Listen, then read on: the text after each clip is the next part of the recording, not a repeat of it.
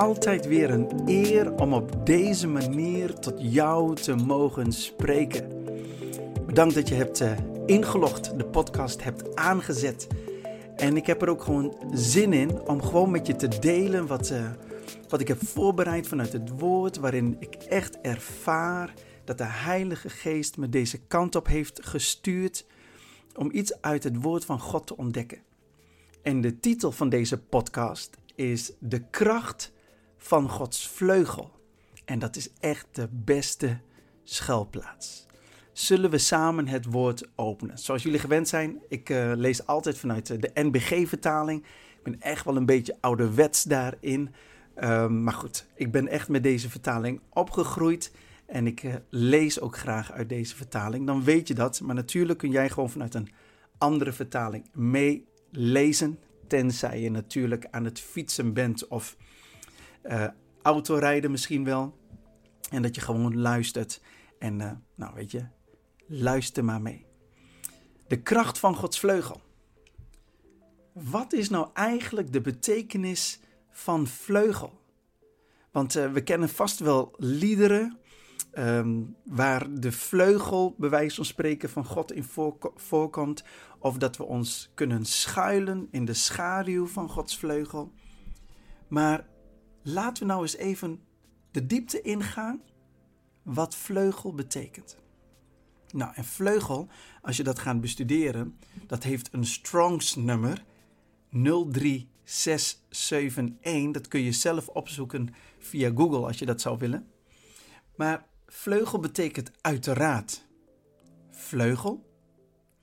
Het betekent ook uiteinde. Maar het betekent ook een slip van een kledingstuk of de hoek van een kledingstuk. Nou, dat wordt echt ontzettend interessant om hier eens even in te duiken.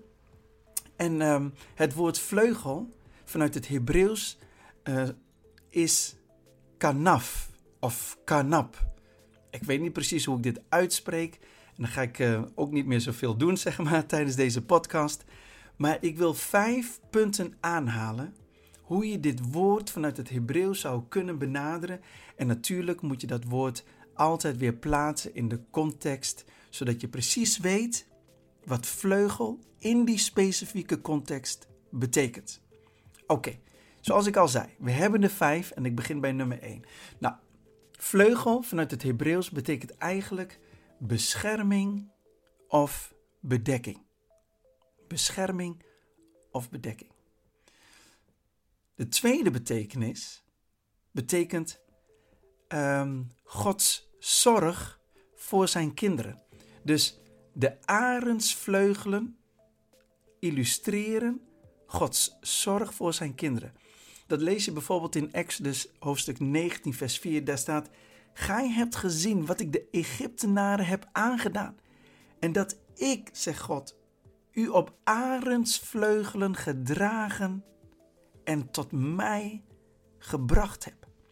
Dat is geweldig. Dat illustreert Gods zorg. Gods zorg voor jou.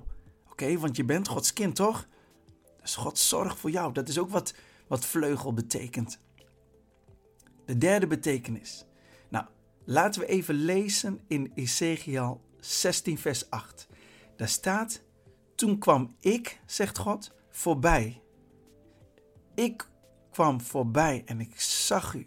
En zie, de tijd der liefde was voor u gekomen. En dan zegt God dit: Ik spreide de slip van mijn kleed over u en bedekte uw naaktheid. Ik ging onder ede een verbond met u aan. Luidt het woord van de Heere, Heere. Zo werd gij de mijne. Wauw. De betekenis die hierbij hoort is tot vrouw nemen, oftewel het huwelijk, een verbond aangaan. Dus de derde betekenis van vleugel zou dus ook, hè, nogmaals, je moet dat in de context plaatsen, tot vrouw nemen, het huwelijk, een verbond aangaan. Nummer 4. Volgens Malachi is er genezing onder Gods vleugel. En in Malachi 4, vers 2, daar lezen we: Maar voor u, die mijn naam vreest, zal de zon der gerechtigheid opgaan en er zal genezing zijn onder haar vleugelen. Geweldig, gij zult uitgaan en springen als kalveren uit de stal. Dus die vleugel staat ook symbool voor genezing. Genezing onder Gods vleugel. Is dit niet geweldig om, om te horen? In welke situatie zit jij nou? Kan jij die genezing van God gebruiken? En de laatste, nummer vijf. Het uitspreiden van vleugels kan ook een aanval of oordeel betekenen. Dat lezen we bijvoorbeeld in Jeremia 48, vers 40. Want zo zegt de Heer: Zie, als een gier komt hij aanzweven en hij spreidt zijn vleugels over Moab uit. En in deze context is dat een aanval of een oordeel van God over Moab als God zijn vleugels uitspreidt. Wauw. Ik, ik word hier enthousiast van. Ik vond het echt zo cool. Toen ik hiermee bezig was, kon ik eigenlijk niet wachten om dit tegen jou te vertellen. En met deze vijf betekenissen hebben we eigenlijk even in beeld gebracht wat vleugel nu betekent. Oké? Deze vijf betekenissen. Als het te snel ging, zou ik zeggen: luister weer even terug. Schrijf die vijf punten op. Neem het echt tot je, zodat je ook echt het ook kan toepassen in je gebedsleven. En dat jouw, jouw leven geworteld mag worden in het woord van God met een duidelijk besef wat vleugel betekent. Oh, geweldig toch? De kracht van Gods vleugel. Maar we zijn er nog niet hoor. Ik heb nog meer voor jou. Want de vleugel wil ik ook even bekijken in het boek Psalmen. Want in de schaduw van Gods vleugelen vinden zijn kinderen bescherming. Oh, dat kunnen we gebruiken toch? Elke dag kunnen we die bescherming van God gebruiken. Elke seconde, op allerlei gebieden. Ik weet niet in welke situatie jij zit. Maar jij kan zeker Gods bescherming gebruiken. En ik wil het woord van God gewoon even aanhalen, want er zit zoveel power in. Hè? Ik weet niet of je mijn podcast hebt geluisterd over uh, de geest is het die levend maakt. En, en het woord van God, oh dat is het zwaard van Gods geest. En, en Jezus zegt in Johannes 6 vers 63, um, de geest is het die levend maakt. Het vlees doet geen nut. De woorden die ik tot u gesproken heb zijn geest en leven. En door dit te gaan doen om het, het boek Psalmen erbij te pakken. Al weet ik zeker dat de Heilige Geest leven brengt in jouw leven als je het woord gaat ontvangen met je hart. In Psalm 17, vers 8, er staat: Bewaar mij als de appel van het oog. Berg mij. En dan staat er dit: In de schaduw van uw vleugelen. Berg mij. Bescherm mij. Omring mij. In de schaduw van uw vleugelen. Oh, dat is dus een plek waar we naartoe moeten. Naar die schaduw van Gods vleugel. Oh, hoeveel kracht gaat daarvan uit? Ik heb nog een mooie tekst. In Psalm 36, vers 8, daar staat: Hoe kostelijk is uw goede tierenheid, o God. Daarom, daarom schuilen de mensenkinderen in de schaduw uw vleugelen. Oh, uw goede tierenheid. Oh, die, die goede tierenheid van God, als je dat nodig hebt om dat vandaag te ontvangen, als je een, een, een, een vernieuwde openbaring nodig hebt over die kostelijke goede tierenheid van God, er staat, daarom schuilen de mensen en kinderen in de schaduw uw vleugelen. We gaan God leren kennen als je gaat schuilen bij Hem. Het is niet alleen maar dus Heer, bescherm mij tegen elke tegenstander. Alhoewel dat zeker een onderdeel is wat God voor jou heeft. Maar zijn goede tierenheid mogen we ook leren kennen. Als we daar gaan schuilen. Oh, het is, het is geweldig. Ik, ik, ik moedig jou aan. Ik spoor jou aan. Om heel praktisch in het dagelijks leven te gaan schuilen bij God. En hoe, hoe moet dat dan, Melf? Oh, zijn woord, zijn woord. Hongerig zijn naar zijn woord. Hongerig zijn naar zijn geest. Weer volledig met je hart geloven. Wat zijn woord zegt, niet meer twijfelen. Niet twijfelen, maar echt met je hart geloven. Oh, maar dat kun je niet uit jezelf. Daar heb je de Heilige Geest bij nodig. Dus, dus nodig de Geest ook uit, hè. Nodig hem uit. Oh, amen. Ik weet zeker dat je dat doet. Ik, ik heb nog een geweldige tekst. In, in Psalm 57, vers 2 staat... Wees mij genadig. Oh man, wees mij genadig. Wees, dat God jou en mij genadig is. Dat hebben we zo nodig. En dan zegt zegt de psalmist... Oh God, wees mij genadig. Hij herhaalt het. Want bij u schuilt mijn ziel. Weet je, jou, jouw ziel bestaat uit verstand, wil en emotie. Dus er is dus een plek voor jouw verstand en voor jouw uh, wil en emotie om te schuilen. Het is niet dat jouw ziel maar zomaar ja, onderhevig is aan van alles en nog wat. Nee, nee, nee. Nee, nee. nee. Gods woord zegt, want bij u schuilt mijn ziel. Hoe fijn is dat als je even niet meer weet welke kant je op moet met je verstand en je wil en je emotie. God zegt, schuil dan bij mij. Dat is wat de psalmist zegt. Ik ben echt zo enthousiast hierover. Dit is zo cool. En dan staat er, ja, in de schaduw van uw vleugelen zal ik schuilen. En dan, en dan staat er dit, totdat het onheil voorbij is. Wauw. Met andere woorden, er is dan blijkbaar sprake van onheil in, in de context van deze psalmist die dit schrijft. Er is sprake van onheil. En dan zegt hij eerst dit: O Heer, eh, er is sprake van onheil. Wees mij genadig, o God, wees mij genadig. Dat zegt hij twee keer. Echt zo van: U, u, moet me echt helpen. U, u, u moet me echt te hulp schieten. Oh, dat is zo mooi hè. Dus dat is het eerste wat hij doet. En dan zegt hij het tweede. Want bij u schuilt mijn ziel. Want die onheil heeft ervoor gezorgd dat mijn ziel onrustig is geworden. Ik, ik weet niet meer wat ik moet denken. Ik weet niet meer wat ik wil. Ik, ik, in mijn emotie heb ik niet meer onder controle. Maar bij u ga ik schuilen. Ik ga mijn verstand, wil en emotie ga ik bij u brengen. Want er is onheil. En dan staat er, ja, in de schaduw van uw vleugelen zal ik schuilen. Mijn hele wezen.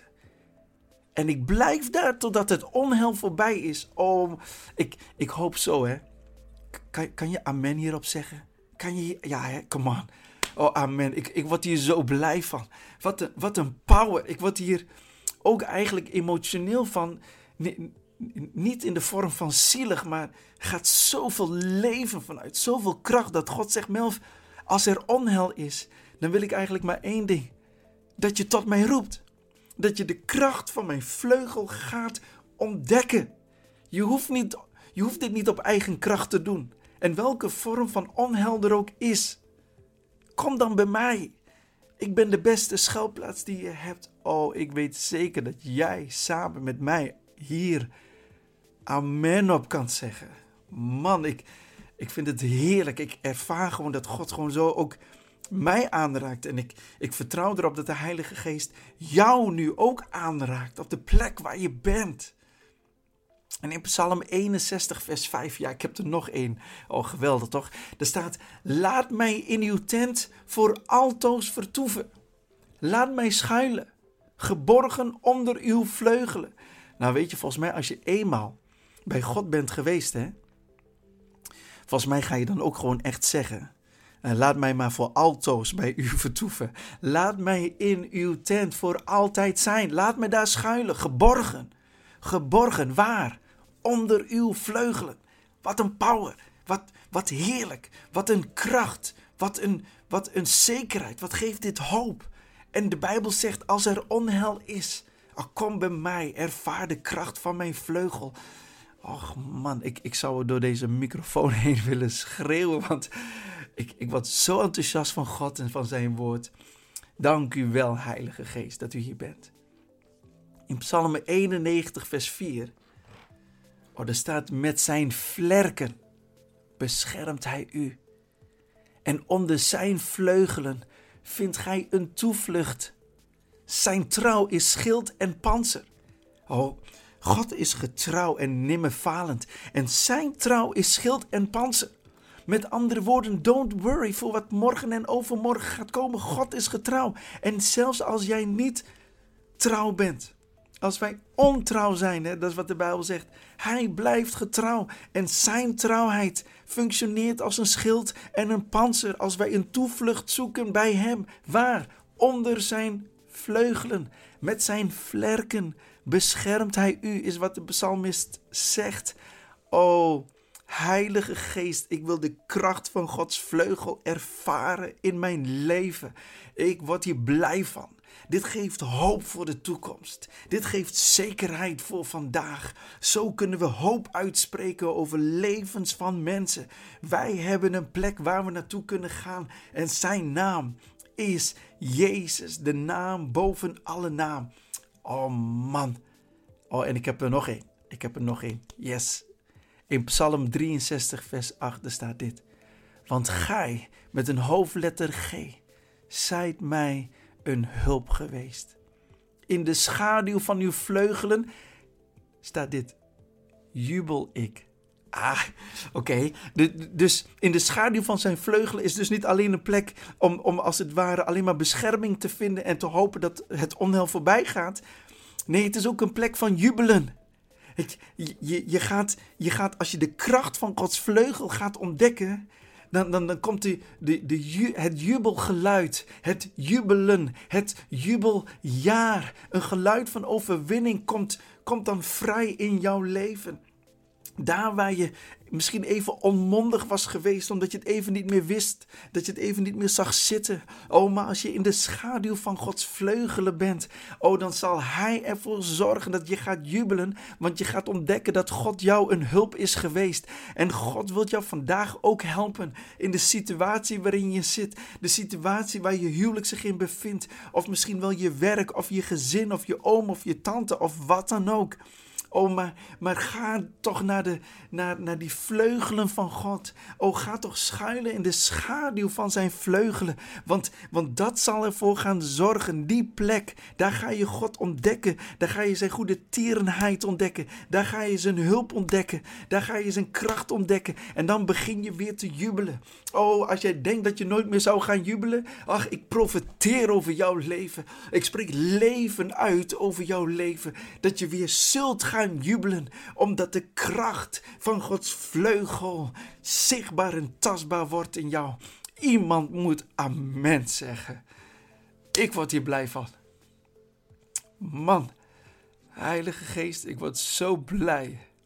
Zo blij van wie u bent. Wauw. Man, ik weet niet in welke situatie je nu zit. Maar ik voel gewoon de bewogenheid van God voor jouw leven. Voor jouw leven. Niet denken dat dit voor, alleen maar voor Melvin is of voor iemand anders. Of zelfs als je denkt, maar luister, ik heb gisteren nog een zondag, kan echt niet door de beugel. Ga dan schuilen, come on. Ga schuilen bij God. Dat is de plek waar we naartoe moeten.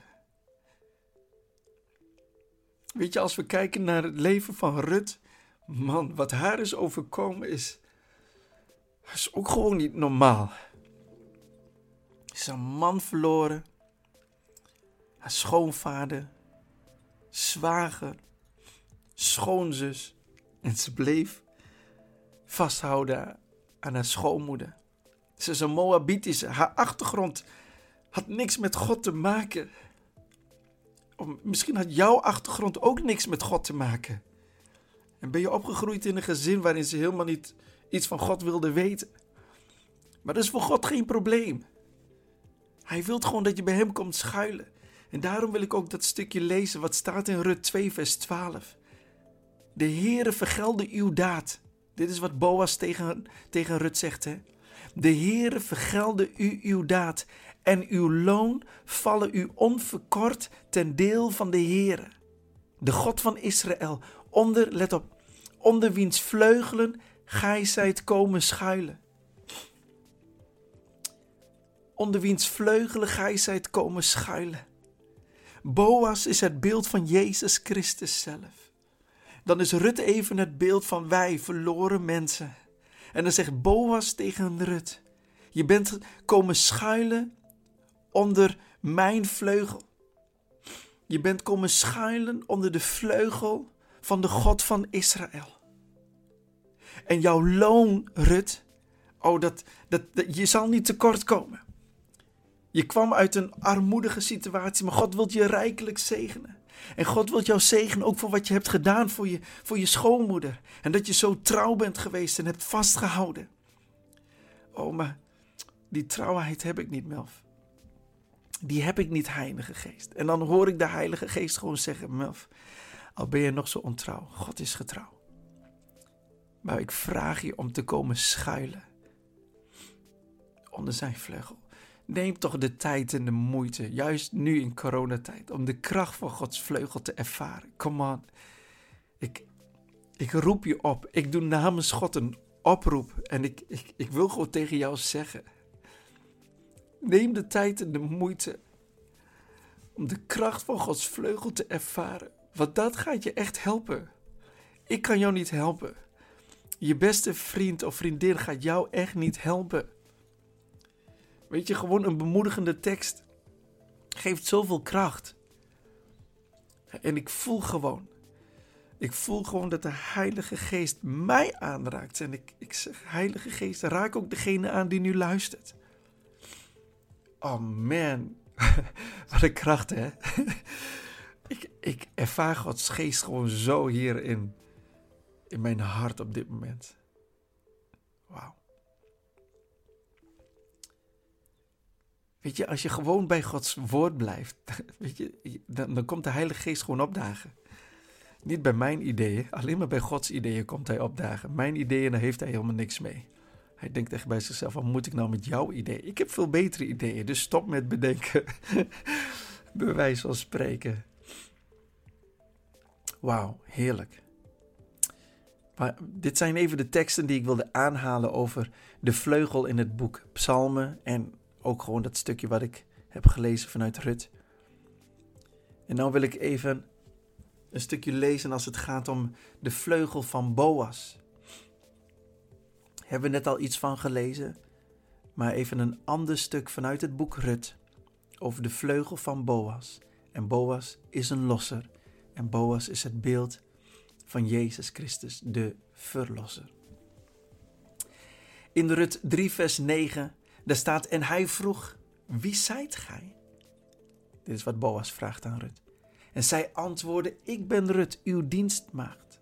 En dan zegt zij dit, spreid uw vleugel uit over uw dienstmaagd, want gij zijt de losser.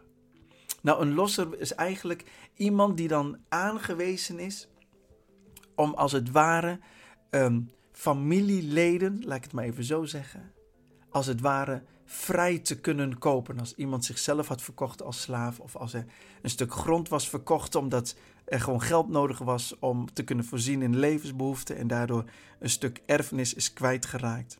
Dan was daar een losser die dan als het ware het weer terug kon kopen en had ook echt specifiek die positie. En er zaten echt wel wat uh, criteria aan vast. En daar moest zeker een soort familiaire verband of relatie in zitten. En, en dat is Jezus ook voor ons. Hij is, hij is onze broer met hoofdletter B. En wij zijn, wij zijn nu ook kinderen Gods geworden. En, hij was de aangewezen persoon om als losse voor ons te functioneren. Om de prijs te betalen die zorgde dat we ten eerste vrijkwamen van slavernij. En dat wij de erfenis weer terugkregen die wij gaandeweg hadden verloren. En dat is ook wat Boas doet voor Rut. En ik wil heel even kort uitleggen, wat, wat betekent dat nou? Dat Rut zegt, spreid uw vleugel uit over uw dienstmaagd. Dat betekent eigenlijk, neem mij in bescherming. Wauw. Als ik nou tegen God zeg, Hemelse Vader, spreid uw vleugel over mij uit. Dan zeg je, Hemelse Vader, neem mij in bescherming. Neem mij in bescherming. Oh, dat is zo mooi als je dit in je gebedsleven kan toepassen. Dat je zegt, o Heilige Geest, spreid uw vleugel over mij uit. Bescherm mij. Wauw, wat een power hè. Wat een power. En natuurlijk is het ook goed om gewoon te zeggen, Heer wilt u mij beschermen. Maar ik vind hem zo krachtig omdat het ook zo in het woord staat opgetekend. Spreid uw vleugel uit. Oh wauw. Ik wil nog iets uitleggen. De uitdrukking spreid uw vleugel uit kan ook duiden op het huwelijk. We weten hè, dat um, Rut en Boas uiteindelijk met elkaar gaan trouwen. Het kan dus ook duiden op het huwelijk. En dat lazen we bijvoorbeeld ook in uh, Ezekiel 16, vers 8. Laat me dat even nog even snel opzoeken. Ezekiel 16, vers 8. En daar staat: Toen kwam ik voorbij u en zag u, en zie, de tijd der liefde was voor u gekomen. Ik spreidde de slip van mijn kleed over u en bedekte uw naaktheid. Ik ging onder ede een verbond met u aan, dat verbond, het huwelijksverbond. Luidt het woord van de Heere Heer. Zo werd gij de mijne. Zo werd Rut van Boas. Zo werden wij van Jezus. Zo werden wij van God. Wauw, power man. Ik vind dit zo cool. Dat duidt op het huwelijk. Ezekiel 16, vers 8. En weet je, bij de Arabieren werpt de man zijn kleed over de vrouw om zo haar ten huwelijk te nemen. Bij de Arabieren werpt de man zijn kleed over de vrouw om zo haar ten huwelijk te nemen. Oh, en dat is toch wat, wat God zei. Dit is toch wat God heeft gezegd in Ezekiel. In Ezekiel 16, vers 8.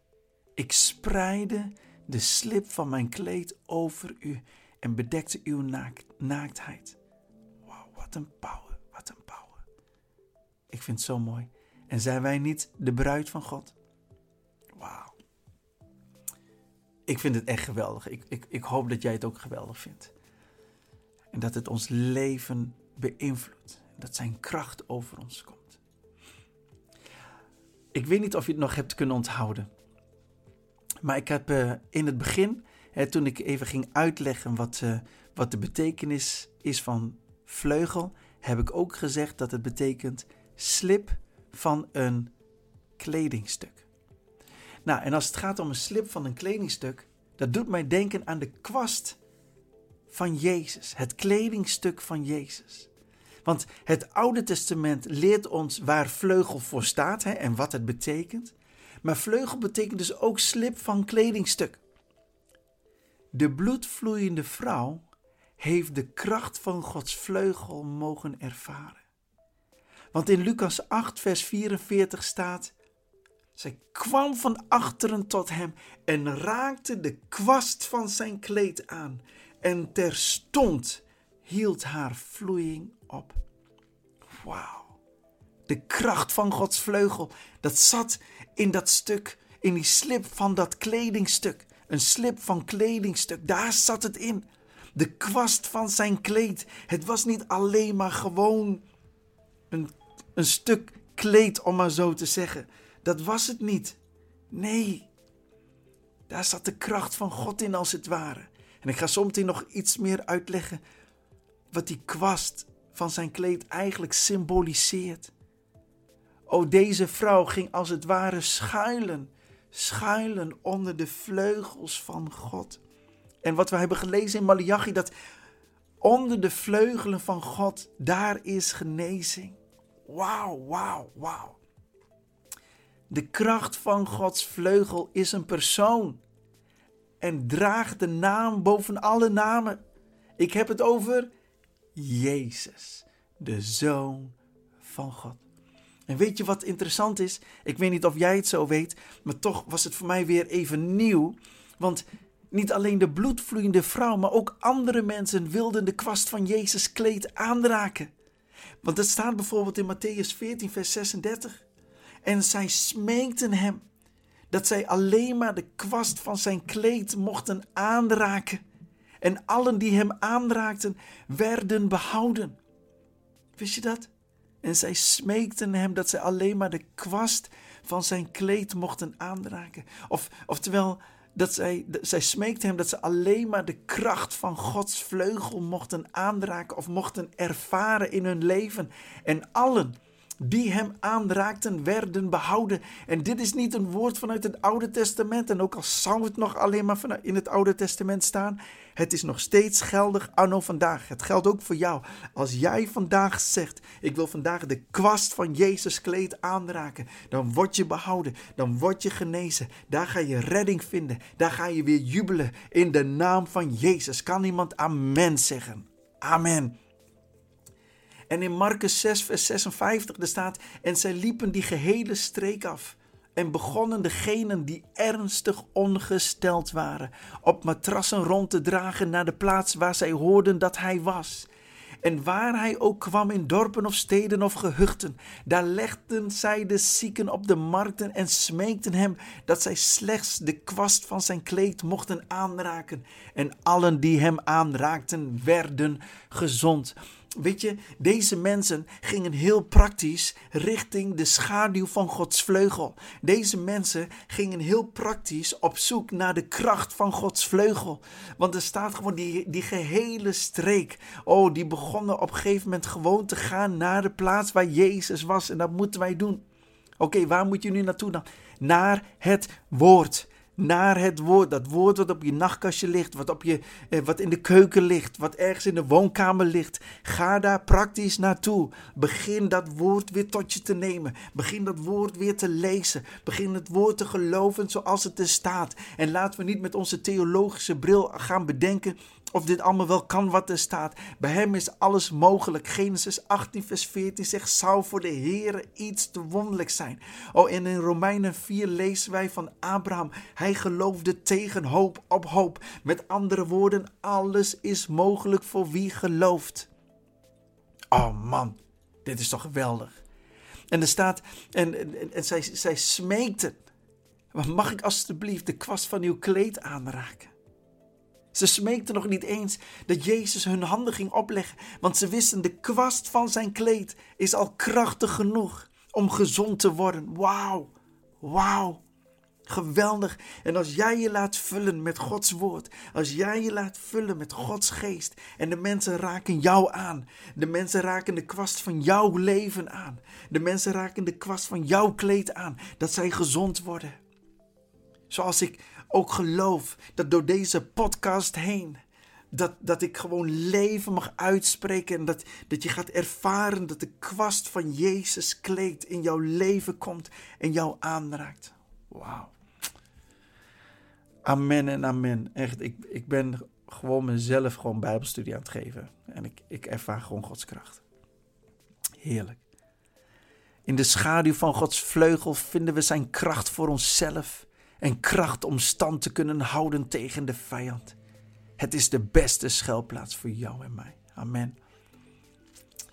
Weet je, en de theologen die vertellen het volgende over de onderkant van Jezus kleed. Vanaf die plaats raakt ze, oftewel die bloedvloeiende vrouw, de onderkant van zijn kleed aan. Naar we mogen aannemen een van de vier gedenkkwasten die de Joodse mannen onderaan hun mantel plachten te dragen, overeenkomstig de voorschriften van de wet. Zij doet dit met de verwachting genezen, te worden. Dus die kwasten, die gedenkkwasten, hielpen ook herinneren aan de wet. Ja, en nu? Nou, in Matthäus 5, vers 17 staat: Meent niet dat ik gekomen ben om de wet en de profeten te ontbinden. Dit is wat Jezus zegt. Ik ben niet gekomen om te ontbinden, maar om te vervullen. Dus de wet had al wel aangegeven dat er iemand zou komen waar we konden schuilen. Had al aangegeven dat de Messias zou komen. Dat de Messias genezende kracht met zich mee zou brengen. Dat hij is gekomen om leven en overvloed te geven. En die vrouw raakt, raakt eigenlijk de wet aan. Maar de wet op zichzelf, oftewel zwarte letters op wit papier, kunnen de bloedvloeiende vrouw niet genezen. Maar Jezus is gekomen om de wet te vervullen. Dus toen zij de kwast van Jezus kleed aanraakte, raakte ze de vervulling van Gods wet aan. En die vervulling is gekomen in de persoon Jezus. En zonder Jezus was het slechts letter, maar nu met Jezus is het leven. Wauw, de kracht van Gods vleugel heeft een naam. Zijn naam is Jezus. Oh, wauw. En die kracht van Gods vleugel komt nu door de Heilige Geest in ons leven. In Johannes 1, vers 16, er staat immers uit zijn volheid hebben wij allen ontvangen, zelfs genade op genade. Want de wet is door Mozes gegeven. Nou komt die, de genade en de waarheid zijn door Jezus Christus gekomen. Dus Mozes had de wet al gegeven en, en die kwasten aan het kleed van die Joodse mannen hielp ons herinneren aan die wet. Maar de wet kon ons niet helpen, de wet kon ons niet redden, de wet kon onze zonde niet vergeven. Maar Mozes had die gegeven en de wet op zichzelf is niet fout. Nee, zelfs heilig en goed. Alleen ons menselijk natuur kon niet aan die wet houden. Maar Jezus is gekomen. De genade en de waarheid zijn door een persoon gekomen. Zijn naam is Jezus, Jezus, Jezus, Jezus. Jezus Christus alleen. En toen die bloedvloeiende vrouw de kwast van Jezus kleed aanraakte, raakte ze de genade en de waarheid van Jezus aan. De genade gaf toegang en de waarheid maakte haar vrij. Want zij hoefde niet meer te vloeien van bloed, omdat het bloed van Jezus voor deze vrouw heeft gevloeid. Man, ik hou van het woord van God. Van een power. Die genade en, en die waarheid heeft de bloedvloeiende vrouw aangeraakt. Zij werd behouden en ze werd genezen. Ik hoop zo dat dit woord je gewoon enorm heeft bemoedigd en heeft bekrachtigd. En dat we weer bewogen worden voor Gods woord en dat we zelf geraakt worden door de Heilige Geest omdat we beseffen hoeveel power erin zit. Vertel het door. Vertel dit woord door. Predik het alsof je het zelf hebt bedacht. Maar breng en, en, en vermenigvuldig dit woord. Vertel het aan anderen. Zeg dat er kracht is in Gods vleugel. Of de kracht van Gods vleugel. Dat, dat je weet hoe je daar naartoe moet gaan. Man, ik zou nog wel uren door willen praten met jou. Maar ik ga eindigen met het volgende. De kracht van Gods vleugel staat voor bescherming of bedekking. Staat voor Gods zorg voor zijn kinderen. Staat voor tot vrouw nemen, het huwelijk, het nieuwe verbond vanwege het bloed van Jezus. Het staat voor genezing. En het staat voor Gods kracht die jou beschermt tegen elke tegenstander. Ja, God is de beste schuilplaats. In Jezus' naam. Heilige Geest, ik, ik wil je gewoon danken voor uw tegenwoordigheid. Ik praat hier gewoon door die microfoon heen, maar ik voel uw tegenwoordigheid. Ik voel uw kracht. En ik voel uw enthousiasme over het woord van God. En het woord is een persoon en zijn naam is Jezus. U bent degene die levend maakt. U alleen kan het leven geven. En ik bid u, wilt u de luisteraar aanraken, bekrachtigen, inspireren. En wilt u hun regelmatig laten voelen de kracht van Gods vleugel. In Jezus' naam. Amen.